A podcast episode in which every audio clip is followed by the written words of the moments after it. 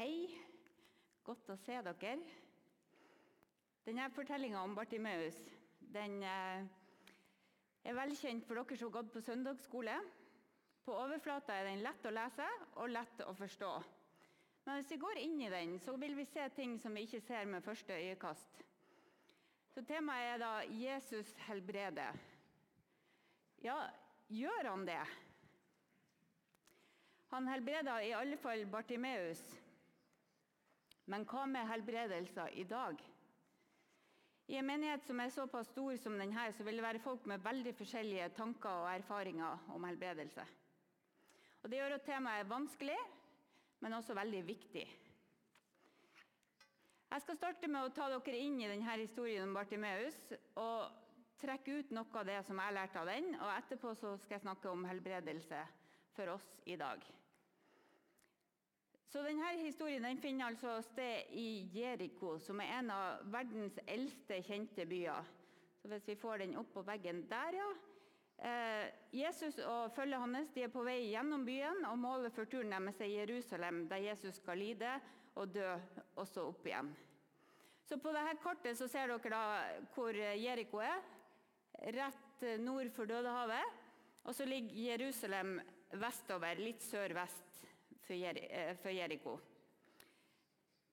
Jeriko det var en frodig oase med sånn daddelpalmer, fikentrær, krydderplanter og vingårder.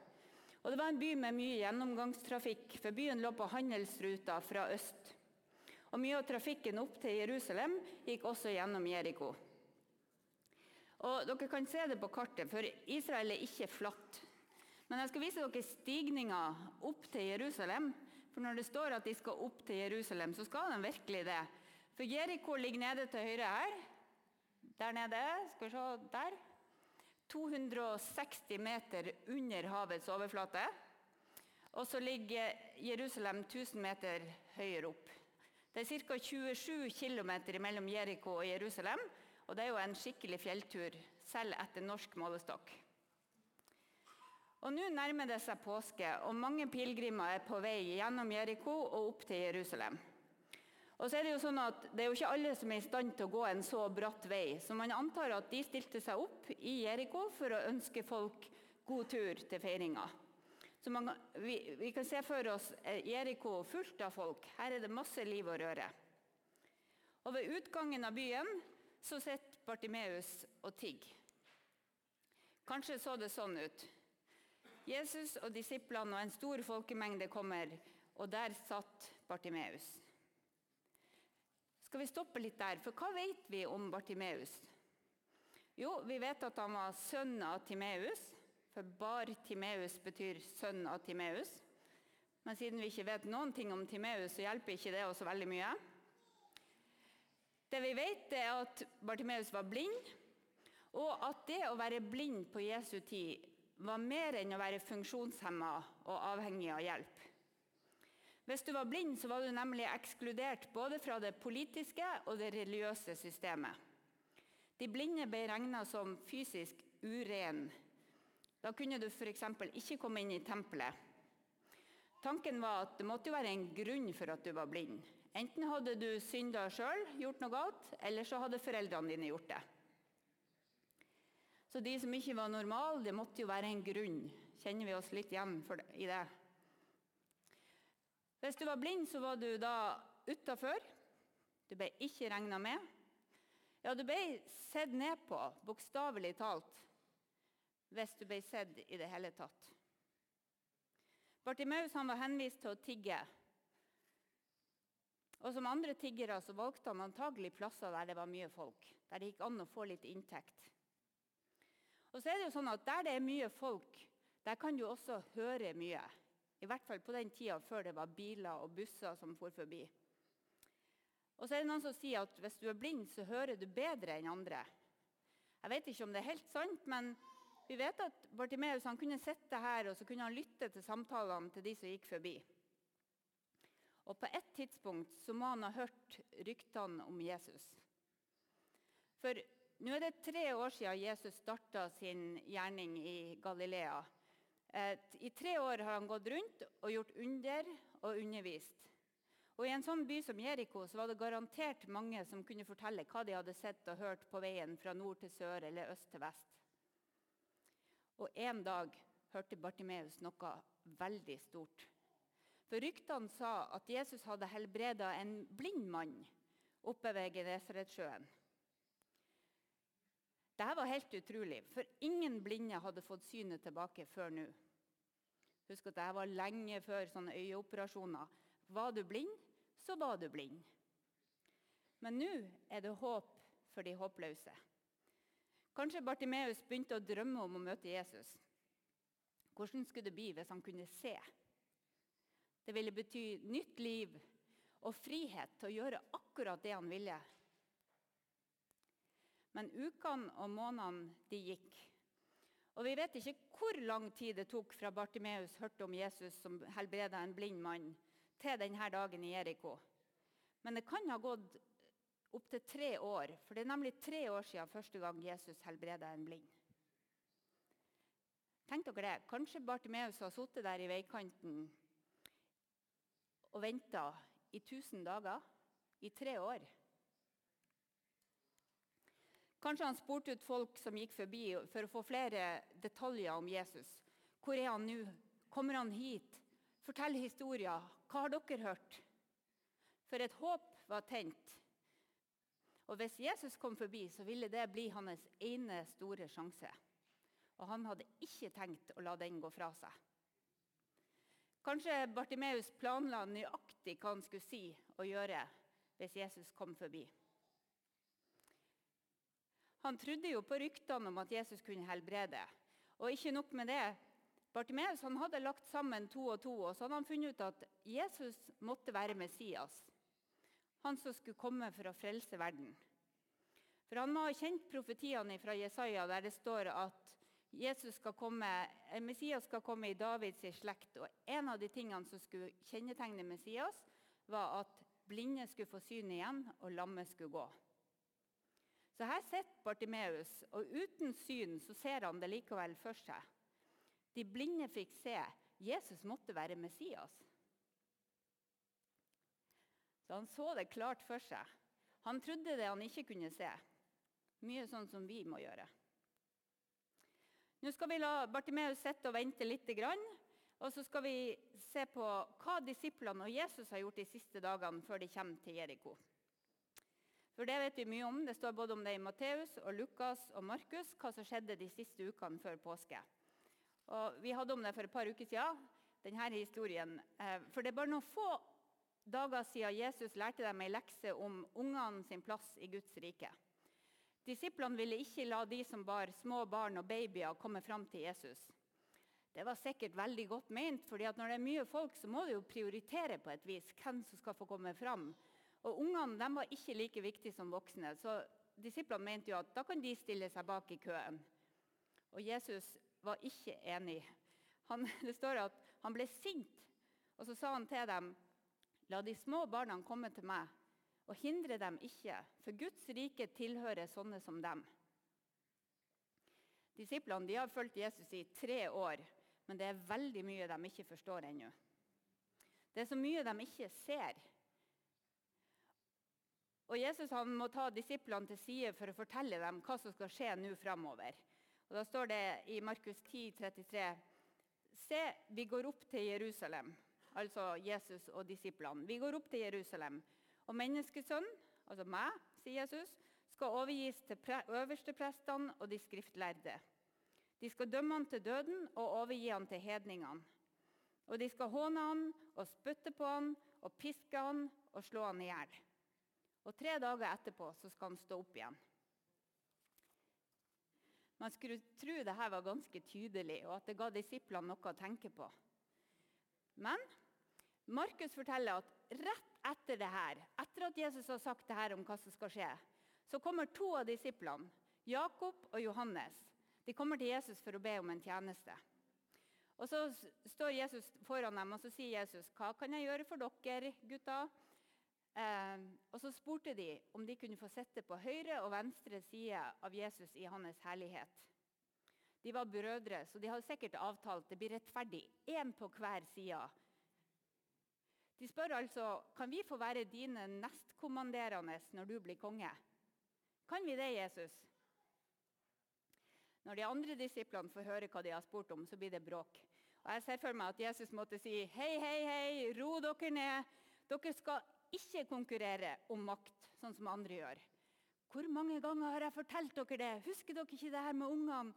Altså, det er tungt for dem å ta imot. Jesus sier tvert imot. Den som vil bli stor blant dere, skal være tjeneren hans. Og den som skal være først blant dere, skal være alle sin slave. For heller ikke menneskesønnen er kommet for å la seg tjene, men for sjøl å tjene og gi sitt liv som løsepenge for mange. Guds rike det er et sånn opp-ned-rike der de minste er de største. Og Skal du konkurrere, så skal du konkurrere om å tjene mest. Og da er ikke mest penger, men tjene andre mer. Jesus han gjentok og gjentok, og dette var ikke lett å forstå.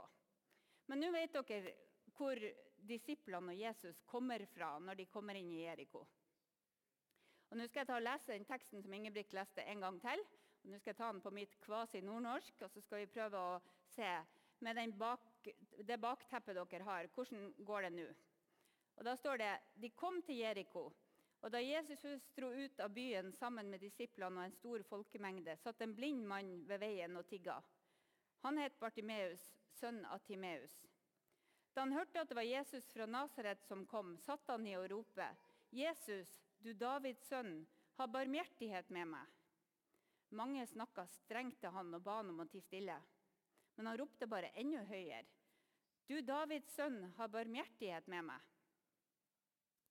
Det Bartimeus roper her, det er det samme som vi synger etter synsbekjennelsen i kirka. Kyrie eleison, eller Lord have mercy. Jesus har barmhjertighet med meg. Og han roper det bare høyere og høyere. For nå er det en stor folkemengde der, og når det er en stor folkemengde, så må man jo igjen prioritere hvem skal komme fram til Jesus. Og siden tiggerne var absolutt lavest på rangstigen, så ble ikke de sluppet fram. Så de hysja på Bartimeus. Ti stille! Men Bartimeus han har venta på denne sjansen lenge. Det er nå eller aldri. Det får ikke hjelpe at han høres desperat ut. 'Jesus, du Davids sønn, ha barmhjertighet med meg.' Og så står det at Jesus stoppa og sa, 'Be han komme hit.' De ropte på den blinde og sa til ham, 'Vær ved godt mot. Reis deg, han kaller på deg.' Mannen kasta kappa si, sprang opp og kom til Jesus. 'Hva vil du jeg skal gjøre for deg?' spurte Jesus. Den blinde svarte, 'Rabuni, la meg få synet tilbake.' Da sa Jesus til ham, 'Gå du, din tru har frelst deg.' Straks kunne han se, og han fulgte Jesus på veien. Og Her er det flere poeng som er verdt å nevne. Ser dere at Jesus ber de som hadde hysja på Bartimeus, om å hjelpe ham fram? Jesus setter dem i arbeid. Og Så står det at Bartimeus kaster kappa si. Og Det er også en detalj, men det å kaste kappa det betyr at han satser alt. For denne kappa det var den viktigste han eide. Det var den som holdt han varm, og det var antagelig den han hadde liggende utover, sånn at folk kunne legge penger på den. Så allerede når han fikk beskjed om å komme til Jesus, så har han en forventning om at nå kommer livet til å bli forandra. Den kappa er ikke lenger så viktig. Og Så springer han fram til Jesus. Og så sier Jesus de fineste ordene jeg kan tenke meg. De samme som han stilte, sa til Jakob og Johannes. Hva vil du at jeg skal gjøre for deg? Hva vil du at jeg skal gjøre for deg? Bartimeus svarte, 'La meg få synet tilbake.' For han er allerede overbevist om at Jesus har makt til å helbrede. Så han spør om det han trenger mest, å få se. Og Så svarer Jesus, 'Gå du, de tru har frelst deg.' Straks kunne han se, og han fulgte Jesus på veien. Bartimeus får det han ikke hadde. Han får syn og tilhørighet. Vi kan kanskje si at Jesus helbreder og inkluderer. Han ønsker alle mennesker velkommen i sitt rike. Og Bartimeus han kunne ikke se Jesus med øynene når Jesus kom, kom forbi, men han så likevel. Og på mange måter så skjønte han jo mye mer enn Jakob og Johannes. Han hadde forstått at Jesus kom for å tjene. Denne helbredelsen er et fantastisk bilde på frelse. Bartimeus får synet tilbake, og nå kan han gjøre hva som helst. Og så velger han å følge Jesus på veien. Tenk for ei uke det skulle bli. Han får lov til å bli vitne til verdenshistoriens største begivenhet. Den første uka som han ser. Tenk dere det. Hele påsken ligger foran. Palmesøndag, skjærtorsdag, langfredag, påskedag. Jesus helbreda Bartimeus, og vi vet at han helbreda mange andre også. Det leser vi om i Bibelen. Det var spedalske, lamme, flere blinde, psykisk syke. Det står en plass alle slags sykdommer. Og så var det ikke noe mønster i det. Jesus brukte ingen fast teknikk. Han tok på noen, han snakka til noen, han smurte spytt på øynene til en. Han sendte beskjed med et bud til en annen. Ei dame ble helbreda tvert hun tok på kappa til Jesus. Ei sov nå ble helbreda, og en var allerede død. Så Jesus han helbreda mange forskjellige mennesker, men han helbreda ikke alle. Jeg vet at det ikke er noe trøst, men det er ganske viktig å huske. Kanskje kan vi si at helbredelsene var en forsmak på det som skal komme når Gud skal skape alle ting ny. For det står i Bibelen at en dag skal Gud tørke bort hver tåre fra øynene deres, og døden skal ikke være mer. Heller ikke sorg eller skrik eller smerte. For det som en gang var, blir borte. Jeg tror vi kan tenke på helbredelsene som en sånn smak av himmel, eller som et håndtrykk fra Gud. For det kristne håpet er at en dag skal alt som var ødelagt av synd og sykdom, bli reparert, eller jeppaiert, som Ingebrigt sa forrige søndag, og verden skal bli ny. Men hva med oss i mellomtida, da? Helbreder Jesus fortsatt? Jeg regner med at dere som er her, dere er interessert i det spørsmålet. Jeg tror det. Men ingen av oss ser helbredelser så ofte som vi skulle ønske. Så her er det, før jeg går videre, det er på sin plass med en liten advarsel. Dette fareskiltet er for glatt vei. Du kan kjøre på en glatt vei, men du må være forsiktig. For her er det stor sjanse når du snakker om helbredelse, til å skli og havne i den ene grøfta eller i den andre grøfta. Da jeg ble tildelt dagens tema, så sa jeg til Helge at jeg er virkelig ikke rett person til å snakke om det her. Parerte han kjapt med å si du kan godt snakke om når Gud ikke helbreder. Og da sa jeg ja. For mitt utgangspunkt er at eh, vi har opplevd veldig tøffe tak i vår familie og bedt mange bønner om helbredelse og hjelp. Og Noen ganger så har det bare blitt verre og verre jo mer vi ber. I lange perioder har jeg ikke klart å høre på andre sine fortellinger om helbredelse. Spesielt ikke de som handler om sånne ting som har fremstått som bagateller for meg. I perioder har jeg ikke orka å be. Jeg har ikke orka å håpe. Og Jeg tror det har vært en slags beskyttelse i det. Jeg vet ikke engang om det kan anbefales, men for meg har det vært helt nødvendig. For det finnes så mye usunn tenking om helbredelse. Da vår yngste datter ble født, så, eller, Vi visste at noe var galt tidlig, men når hun var syv måneder, så fikk hun diagnosen eh, stor hjerneskade. Og så fikk hun epilepsi. Så hun lå på sykehuset i ukevis med ukontrollerte, uh, ukontrollerte anfall. Hun hadde anfall, sovna, våkna, hadde anfall, sovna, våkna i flere uker uten at vi egentlig hadde kontakt med babyen vår. Det så skikkelig svart ut. Og det var veldig tøft. Og Da var det heldigvis veldig mange som ba for henne og som ba for oss. Og det ble sendt mange inderlige bønner om helbredelse. Jeg skal ikke nevne navnet, men det var en som var, eller det var en gruppe med mennesker som var veldig sikre på at Gud kom til å helbrede. De mente faktisk at det gikk an å erklære henne frisk i Jesu Kristi navn. Og det gjorde de. Og så sendte de meg en e-post, for de var langt unna, med beskjed om at nå er Pia frisk. Og jeg var mildt sagt sjokkert. Jeg sendte en mail tilbake, redd og sint, og sa at det er best at ikke vi snakker sammen på en stund. For Pia var ikke blitt bedre i det hele tatt. Snarere tvert imot. Og i ettertid så har jeg ingen problemer med å sortere den hendelsen ut i en sånn kategori for uvett. Var langt ned i den ene grøfta. Det de drev med, ligna mer på magi enn på bønn. Sånn simsalabim, nå er hun frisk. Det var bare én utfordring. Hun var ikke det.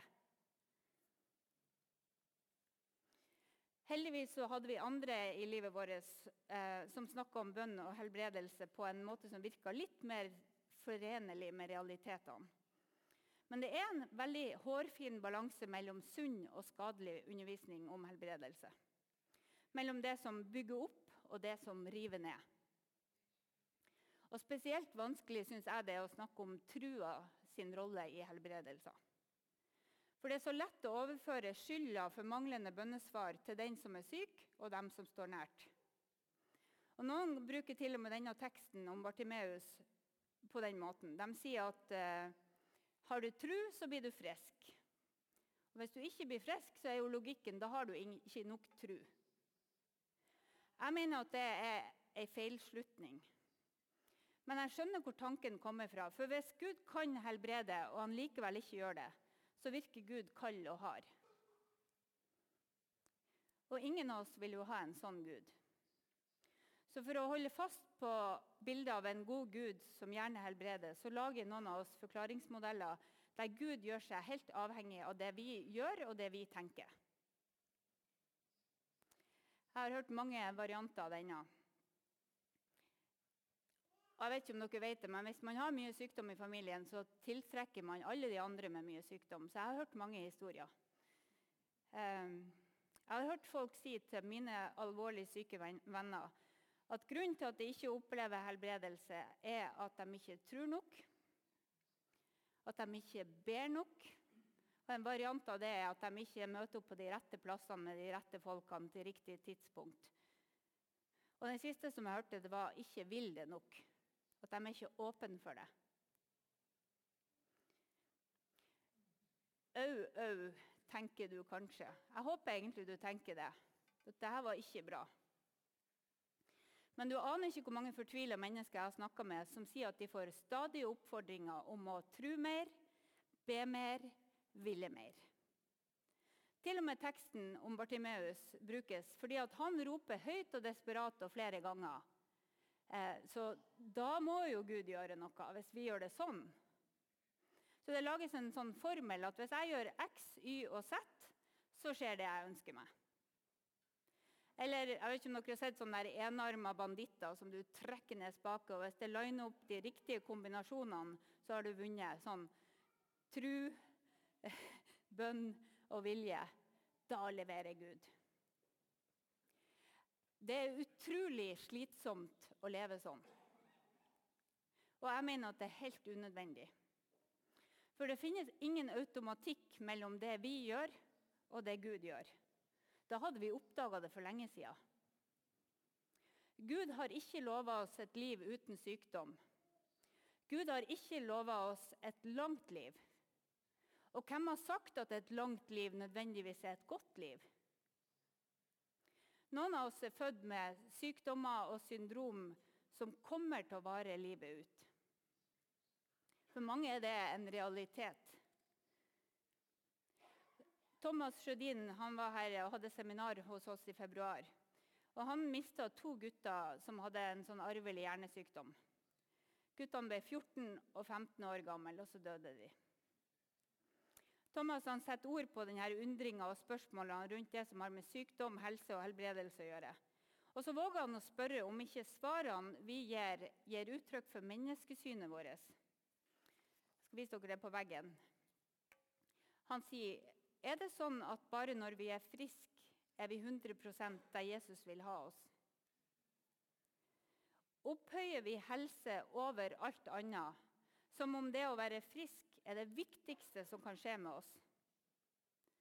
Hva skjer da med mennesker som har tapt helsa, ikke blir helbreda, og som må leve med sykdom livet ut?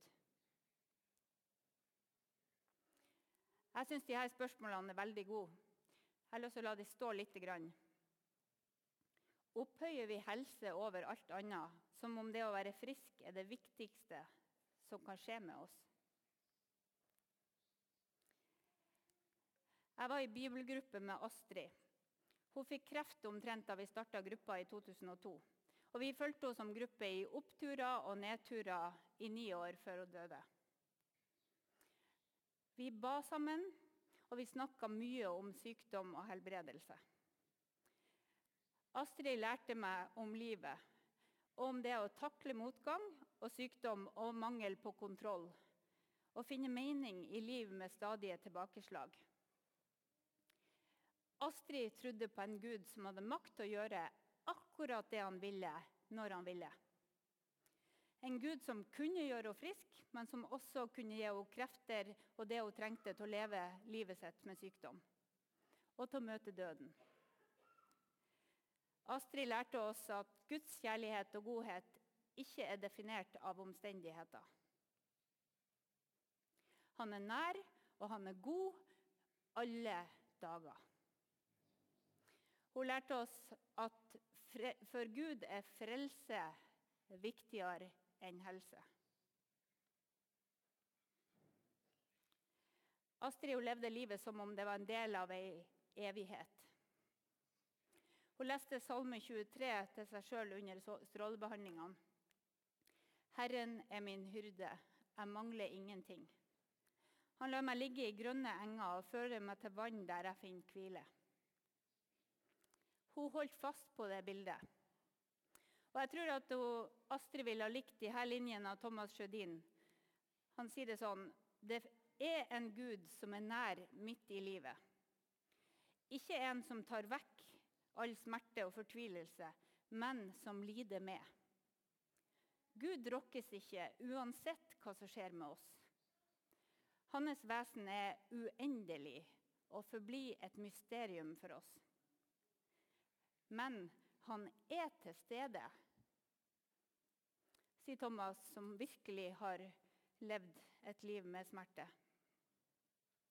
Så Gud er mektig til å ta lidelsen bort, men likevel gjør han det ikke alltid. Så hva gjør vi da? Vi lærte av Jesus at vi skulle tjene hverandre. Så inviteres vi til å gå inn i smerten og være der sammen med dem som lider. Og jeg tror menigheten har en utrolig viktig rolle her. Vi kan være hverandres trøstere, og hjelpere og forbedere. Så kan vi be mye, og så kan vi overlate resultatet til Gud. Og For noen av dere er dette litt sånn vanskelig. Hvordan ber man? Så, bare, sånn, så enkelt som dette kan jeg gjøre, gjør jeg det. Jeg sier, 'Gud, du vet at vi ønsker oss en helbredelse.' Gjerne nå med en gang, hvis det er mulig. Og mens vi venter på den, ber vi om velsignelse og trøst og om et møte med deg. Og Noen ganger er det vi som ber, som blir bønnesvaret når vi tjener hverandre og deler smerte. For Jesus han sender fortsatt ut mennesker for å være mennesker sammen med mennesker som trenger andre mennesker for å leve videre. Og de relativt få gangene der bønner om helbredelse blir besvart med sånn umiddelbar bedring, så tenker jeg på det som et håndtrykk fra Gud. Og så kan vi glede oss og fortelle hverandre det og takke sammen. Men vi vet at mange helbredelser er forbigående. Til og med Lasarus ble vekt opp fra de døde. Han døde senere. Nye plager og utfordringer kommer til å ta over. Og for de aller fleste av oss så er livet langt ifra enkelt. Jeg tror vi må bli flinkere til å leve i og snakke om denne realiteten. For i beste fall så ser vi mer av hvem Gud er. For vi har jo et bilde av Gud. Og i motgang så blir ofte de bildene vi har, knust. Men det som skjer, det er jo at da ser vi mer av Gud. For Gud forandrer seg ikke. Det er bildene våre av Gud som forandrer seg. Ei som eh, trodde at Gud var Gud, det var mor Teresa. Hun jobba med de fattigste av de fattige i Calcutta. Og så Hvis det var noen som trengte å se helbredelser på en sånn daglig basis, så var det jo hun. Og så var det en journalist som spurte eh, han spurte hvordan ber du, mor Teresa. Eh, og han sier, 'Hva sier du til Gud?' Og så svarte hun, 'Ingenting'. Og jeg antar at journalisten dro på smilebåndet eller var litt, stussa litt på svaret. Så han sier, 'Gud, da? Hva sier Gud?' 'Ingenting', sa hun. Han lytter. Synes det er en fin måte å si det på, for bønn kan være ordløs. Bønn kan være sukk. Og bønn kan være, den beste bønnen jeg vet, er kanskje hjelp. Bønn er ikke en prestasjon der du må finne akkurat de rette ordene. Bønn er å lukke Gud inn i det som skjer med deg, og la ham være sammen med deg. Han vet hva du trenger. Han forlater deg ikke. Det kan vi få lov å hvile i. Og når vi får sånne håndtrykk fra Gud, gleder, så kan vi dele dem. Siden livet vårt egentlig har vært en rekke med nei på sånne helbredelsebønner, så tenkte jeg jeg må forberede meg skikkelig. Og så leste jeg en bok som heter 'The Case for Miracles'. Den er skrevet av en, eh, en, eh, som heter Lee Strobel. Han, har, han, var jurist og journalist, og så når han ble kristen i voksen alder, så begynte han å skrive bøker, bl.a. om trosforsvar. Og I den siste boka som han har gitt ut, så skriver han om godt dokumenterte helbredelser. Sånne som havner opp i vitenskapelige journaler der legene klør seg i hodet og sier at ja, her har det skjedd et mirakel. Eh, jeg trenger å høre sånne historier om at Gud fortsatt griper inn, og at han, at han kan. Selv om jeg ikke ser det så ofte i eget liv. Og så tar Lee Strobel heldigvis med historier, bl.a. om en mann som har pleia eh, kona si i 15 år med Alzheimer. Eh, og så snakker han med om eh, hvordan lever du med det, at ikke du får svar. Og Når vi tar med alle disse historiene, så får vi et bedre bilde av hvem Gud er. For han er jo mye større enn det den enkelte av oss ser. Hvis vi legger sammen dine og mine erfaringer og all kunnskap vi har fra Bibelen og i forsamlinga her, så ser vi Gud klarere. Jeg er ikke i tvil om at Gud kan helbrede. Jeg håper og ber stadig om at det skjer. Og Jeg vil oppfordre dere som har spesielle gaver til å be for syke, om å gjøre det. Bli med som forbeder og gå til forbønn.